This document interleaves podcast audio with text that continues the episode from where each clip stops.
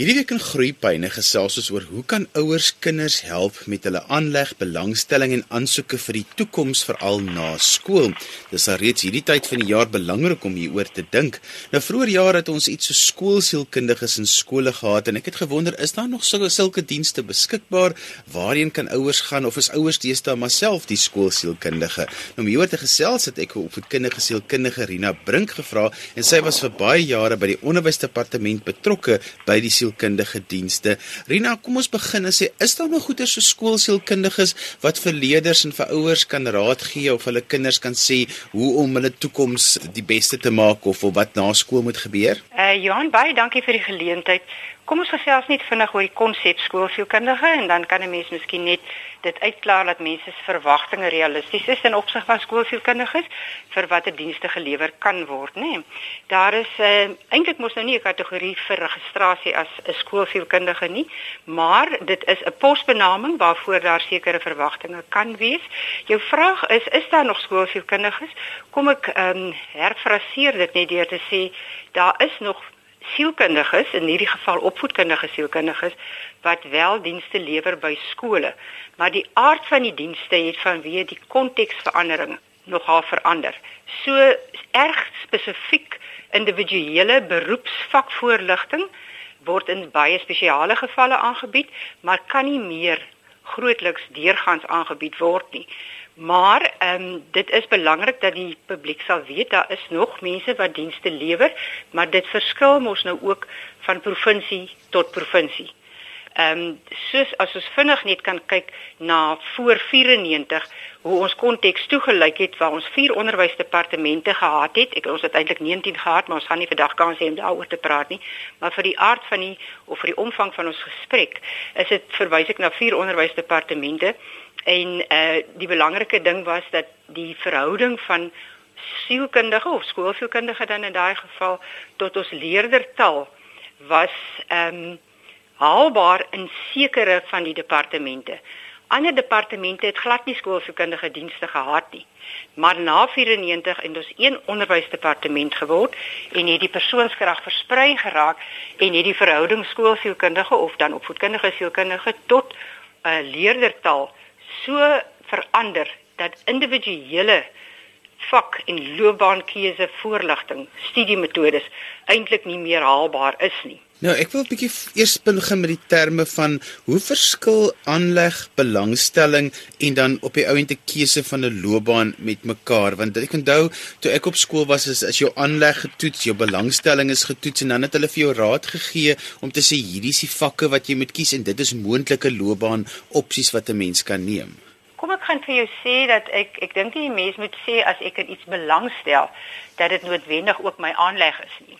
En dit is baie keer vir leerders baie moeilik want ek wil graag dit waarna ek belangstel doen, maar as ek dan sou die geleentheid kry om deur 'n psigometriese evaluering en my gedemonstreerde potensiaal te gaan, dan lyk dit asof dit waarna ek belangstel waarskynlik vir my baie moeilik haalbaar gaan wees. Kom ons neem 'n voorbeeld. Kom ons neem 'n voorbeeld soos ek stel belang om in die mediese beroep in te gaan.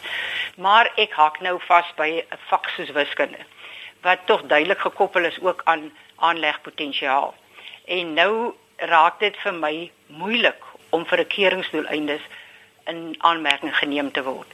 So belangrik is dat 'n mens 'n onderskeid daaraan het. Ek dink as 'n mens 'n beroep kan kies volgens jou aanleg en jou potensiaal en jy jy's ook nog 'n belangstellende in daai rigting, dan jy 'n baie goeie resep vir sukses. Maar dit werk nie altyd so nie en moet ons ons ons uh, verwagtinge 'n bietjie aanpas en kan ons nog steeds in die veld kom ons hou dan nou maar by die mediese veld as voorbeeld in daai veld gaan studeer maar nie noodwendig dan tot op daai vlak nie want daar is mos nou verskillende vlakke waarop ek my kan kwalifiseer in die mediese veld. En dit is dink ek waar dit vir ouers belangrik is om hulle kinders te ondersteun en te help dat hulle realistiese verwagtinge het ander hulle keuse maak sê nou maar ons praat van die einde van graad 9 en dit gaan oor vakkeuse, né? Nee. Marina, bevoel in my geval was dit net andersom geweest. My aanleg het baie sterk geneig na die wiskundige vakke en die rekenkundige vakke, maar ek het 'n amper ek sê 'n abnormale belangstelling gehad in die menslike wetenskappe. So op die ou end het ek glad nie gegaan daar waar my aanleg lê nie, maar meer daar waar my belangstelling was. Dit is 'n verskynsel wat nogal meer dikwels voorkom as wat jy dink. Want en my ervaring en ek sê nie dit is altyd so nie. My ervaring was dat as 'n mens daardie sterk aanleg het, in jou geval het jy mos uit die wiskunde wetenskap area geïdentifiseer, dan is dit 'n sterkte wat vir jou sekere vaardighede gee in terme van probleemoplossing, ehm um, weier kyk in die konteks en is dit nie 'n probleem as jy dan in jou belangstellingsveld ingaan nie. Jou ehm um, probleem kom eintlik andersom. As jy belangstelling het, maar jy het nie die potensiaal nie. So, maar ek wil ook verder sê wat ek wel ervaar het in die veld is dat as 'n mens en dit is nou maar ongelukkig ook 'n verskynsel dat ouers soms hulle kinders hulle die ouers se drome wil laat realiseer. Nou druk jy want jy weet jou kind kan 'n spesifieke rigting volg. En mamma en pappa suggereer nou maar van vroeg af dat ons kan nou miskien maar hierdie rigtingkie volg. En in jou geval het ons nou 'n ander belangstellingsveld. Dat op die lang duur sal die kind die studieveld wat die ouer voorstel en wat sy aanleg ondersteun volg maar die tendens en ek sê weer dis nie 'n reël nie, dis nie op diep navorsing gebaseer nie, is dat so leerder of so student of so werkende persoon later in sy lewe dan 'n beroepsverandering maak wat weer aansluit by die belangstelling. So ek die aanleg, belangstelling, potensiaal, al hierdie goedjies moet 'n mens maar holisties na kyk voordat jy 'n besluit maak. Ja, want ek dink ouers verwar baie keer kinders se punte in 'n vak met 'n uh, eh, dat dit die rigting is waarna hulle moet gaan en ek dink 'n mens moet glad nie die die baba met die badwater uitgooi om uit te vind maar waar stel my kind regtig belang nie. Kyk, kan ek kan ek aansluit op wat jy nou sê oor die belangstelling. Ek ek ek voel ons moet hierdie geleentheid benut om vir ouers regtig hoop te gee want dit is 'n as ek dan nou sê ons sielkundige dienste is beperk en die konteks met trauma en um, al die psigososiale eise wat gestel word aan kinders uh, neem die fokus van die sielkundige wat in die onderwysdepartement werk bietjie weg van die psigometrie af. Dan kan ouers nou begin dink nou maar wat maak ek aan nou? Want ons moet vir mekaar sê sielkundige dienste buite die onderwys en binne die onderwys is 'n dierdiens. So ouers moet nou nie hoop verloor nie. So kom ons praat net so vinnig as jy my sou toelaat net oor aangesien ons nou verwys na die die rapport en ek kyk nou na die punte en nou lyk dit of die kind goed doen en dit beteken nou dis die kind se aanleg. Ehm um, jy weet die, die belangrike ding vir my om te verstaan is dat dat kinders se werkstyl beïnvloed mos ook baie dikwels die resultate.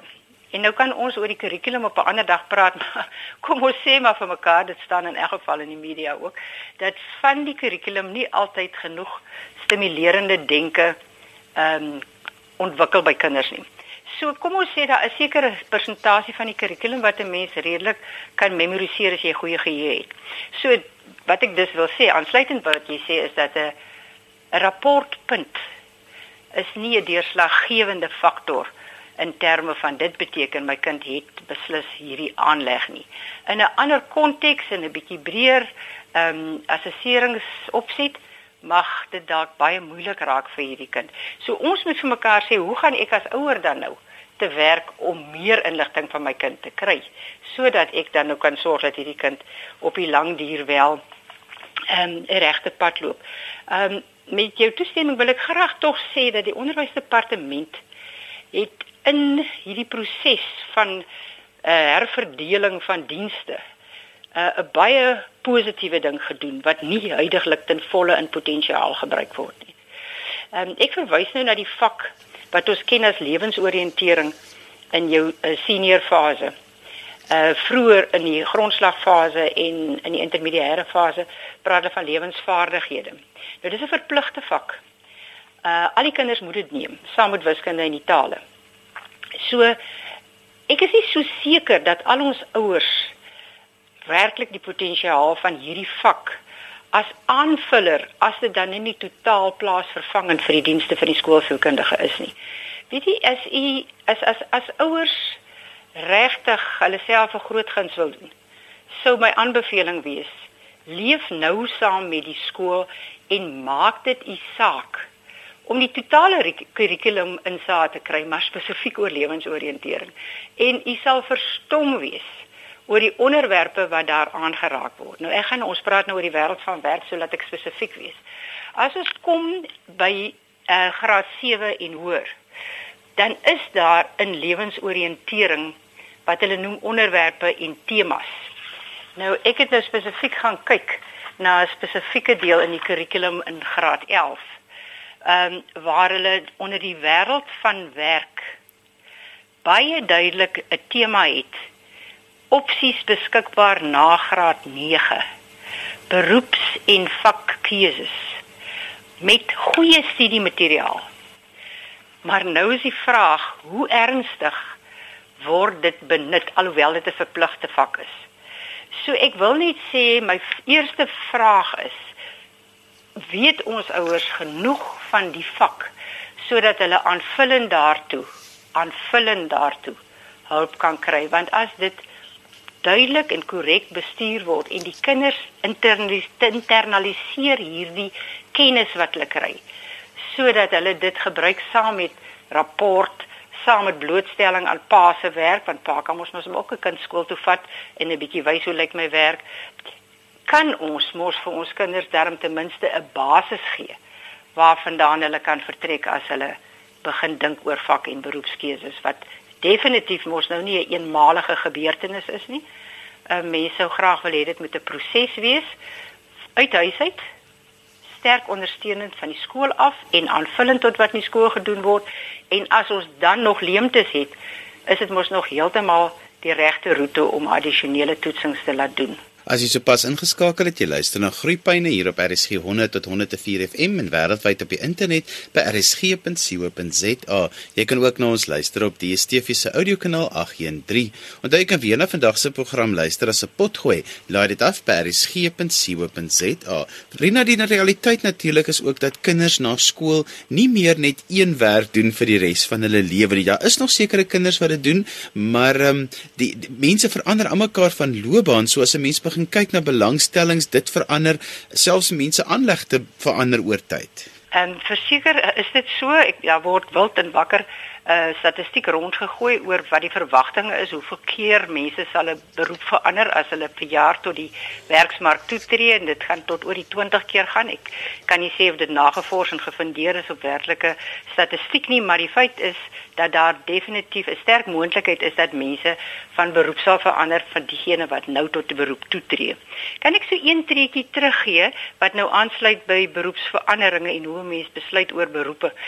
Ehm um, en en dit is ook 'n wanpersepsie wat ek dink by ouers is ons is maar nog baie sterk veral in sekere gemeenskappe gedrewe deur ehm um, ons moet na skool universiteit toe gaan en dit is die opsie waarvandaan ons dan ons verskillende beroepe gaan ehm um, kies en dan uh, verander sou dit nou nodig wees.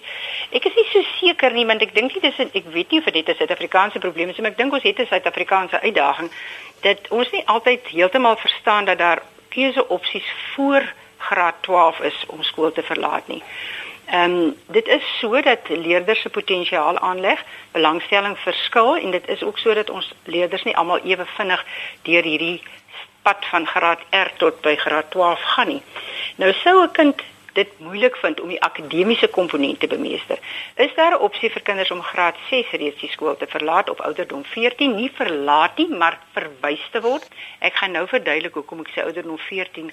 Die implikasie is dat die kind het reeds twee keer 'n graad herhaal wat vir ons dan stawende dokumentasie of stawende statistiek gee dat hierdie leerder werklik dit moeilik vind om die hoofstroom kurrikulum te volg. So dis die belangrike punt. Ja, is reeds 'n bewys van problematiese vordering.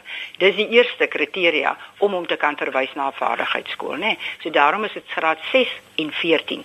Maar die volgende ouderdom uh, uh, punt van uh, verlaat van skool is graad 9 en 15 jaar 11 maande. Dis die verpligte skoolbywoningsperiode. Nou die belangrike ding is ons glo mos in Suid-Afrika, jy moet graad 12 hê. Dis heeltemal korrek dat ons so ver en so goed as moontlik gekwalifiseer wil wees sodat ons ons opsies na skool verbeter sodat ons ook die geleentheid het om moontlik beroep van beroep te kan verander. Belangrik is dat dit nie noodwendig via die gewone hoofstroom skool met 'n bepaalde kurrikulum hoef te wees nie. Ons kan mos van ons verdere onderwys en opleiding colleges gebruik maar 'n ekwivalent kry aan graad 12, maar meer beroepsgerig vroeër. Ouers moet verstaan dat leerders na graad 9 15 jaar 11 kan 'n ander opsie uitoefen en hulle behoort daaroor ook navorsing te doen want dikwels is dit juis hierdie ouetjies wat dan 'n groter verskeidenheid van vaardighede en kennis het waar wat vir hulle geleentheid gee om later dan verandering te maak in beroepe omdat jou basiese graad op universiteit baie dikwels meer ehm um, stimulering van denke en denkvaardighede inhou as 'n beroepsgerigte ehm um, benadering. So die, die belangrike ding is hoekom ek dit ophaal, het nou juist te doen met die feit dat leerders daag nou op by universiteite in massas. Ehm um, hulle het uh, die graad 12 kwalifikasie gekry, maar hulle is nie noodwendig en nou soos by die aanleg en potensiaal en uh, jou belangstelling op die regte opleidingskampus nie en dit veroorsaak baie van ons groot ongelukkighede. Die belangrike ding waarna ek wil teruggaan, ja, jou vraag is, mense gaan van beroep verander. Ons moet ons kinders ook so instel. Ek uh, is eerlik van mening dat ons ouers nie rede het om te voel hulle het nie hoop nie en hulle het nie hulp nie. Ek gaan vinnig weer net bevestig dat die belangrikste ding vir my is dat ouers hulle kinders moet ken, dat hulle die kurrikulum moet ken vir al lewensoriëntering sodat hulle uh, seker maak dat die prioriteit daaraan gegee word wat dit moet gee ontvang daarom is dit 'n verpligte vak dit is belangrik dat ouers by die skool betrokke raak want as ons sê die departementele skoolsielkundige dienste is te duur dan staan dit mos 'n beheerliggaam vry om finansiëel te begroot vir die aanstel van 'n skoolvoorligter of beraader die ander heeltemal na my mening onderbenutte bron vir voorligting is die internet. Dit is ongelooflik watter geweldige bron van kundigheid daar verskyn lê en ook die basiese belangstellingsvraelyste lyste as jy dan wil verifieer dit wat jy dink jou belangstelling is want 'n belangstellingsvraelys is nie per se 'n kategoriseerde geometrie nie so dit kan op 'n internet uh, versprei word. So daar is materiaal, daar is ek wil nie noodwendig nou 'n program noem nie, maar dit word baie dikwels adverteer waar beroepe huidigelik hulle ehm um, salarisskale, hulle voorvereistes vir opleiding, ehm um, die kampusse waar dit aangebied word, alles in detail aangebied word. Dan gaan ek nog nie eers op die roete van waar mense deur die internet kwalifikasies kry nie. So ek dink ons ouers het groot verantwoordelikheid en ek dink hulle het 'n groot geleentheid. Ehm um, ek dink ons kinders lewe in uitdagende tye. Ek dink hulle lewe in 'n tyd wat ons met jaloesie na kan kyk omdat ons nie al daai geleenthede gehad het nie. Rina nou iets wat natuurlik in baie huishoudings gebeur is as my kind kom by my hier in graad 10, graad 11 selfs as ons nou vakkeuses moet maak aan die einde van die sê ek het nie 'n idee wat ek eendag wil gaan doen nie. Kan ek ek kan vir jou wenk deurgee ehm um, wat wat werk in die voorligtingssituasie waar ek nog voorheen gewerk het is as hulle sê hulle het geen idee nie. Die eerste ding wat ek doen is ek sê skryf net eers vir my neer wat jy nie wil doen nie. Ehm um, dit werk altyd. Hulle weet baie goed wat hulle nie wil doen nie. Dis die eerste ding. Die tweede ding is dan begin ek sistematies. Ek neem die kind na my werk toe. Ehm um, ek vra 'n goeie vriend, familielid kan my kind 'n dag saam met jou werk toe gaan want baie dikwels gaan dit nie oor ek weet nie wat ek wil doen nie. Ek weet nie heeltemal wat beteken dit om te werk nie. So miskien moet ons net eers daardie konsep vir die kind duidelik maak. So ja, bekendstelling in die wêreld van werk deur die bekende omgewing wat mens makliker toegang tot het. Ehm um, jy weet dan wat die kind nie wil doen nie, dan begin 'n mens oop daarby woon van jou opleidingsinstansies. Daar is almal van hulle oop daar. Maak 'n punt daarvan weer op die webtuiste. Jy kry wat nou geografies naby aan jou is, opsies wat jy wel oorweeg, kry hulle oop daar. Jy neem die kind en jy wys vir hom. As 'n mens na 'n beroepsuitstalling gaan, is dit regtig baie belangrik dat kinders voorbereid gaan. So, dit sou gawe wees as die skool dit kan doen om die kind voor te berei. Maar gestel ons is nou die ouer wat die kind aan die beroepsvoorligte of die beroepsuitstalling vat, dan die tipe vrae wat daar gevra moet word, moet die ouer dan leiding gee sodat dit die kind se besluitneming kan rig. Nou jou tipe vrae sal dan nou wees, ehm um, jy weet kinders vra snaakse goed soos wat is die werksure? Ehm um, wat is die salaris? Dit vra hulle gewoonlik. Ons stel ons maar almal daarin belang. Ehm um, dan eh uh, sommige vra wat is die negatiewe? Dit is belangrik dat as ek uiteindelik op 'n opleidingskampus besluit dat ek die kind fisies so vat, kinders moet hulle self kan verplaas en daar kan sien en u as ouer moet u kind daar kan sien.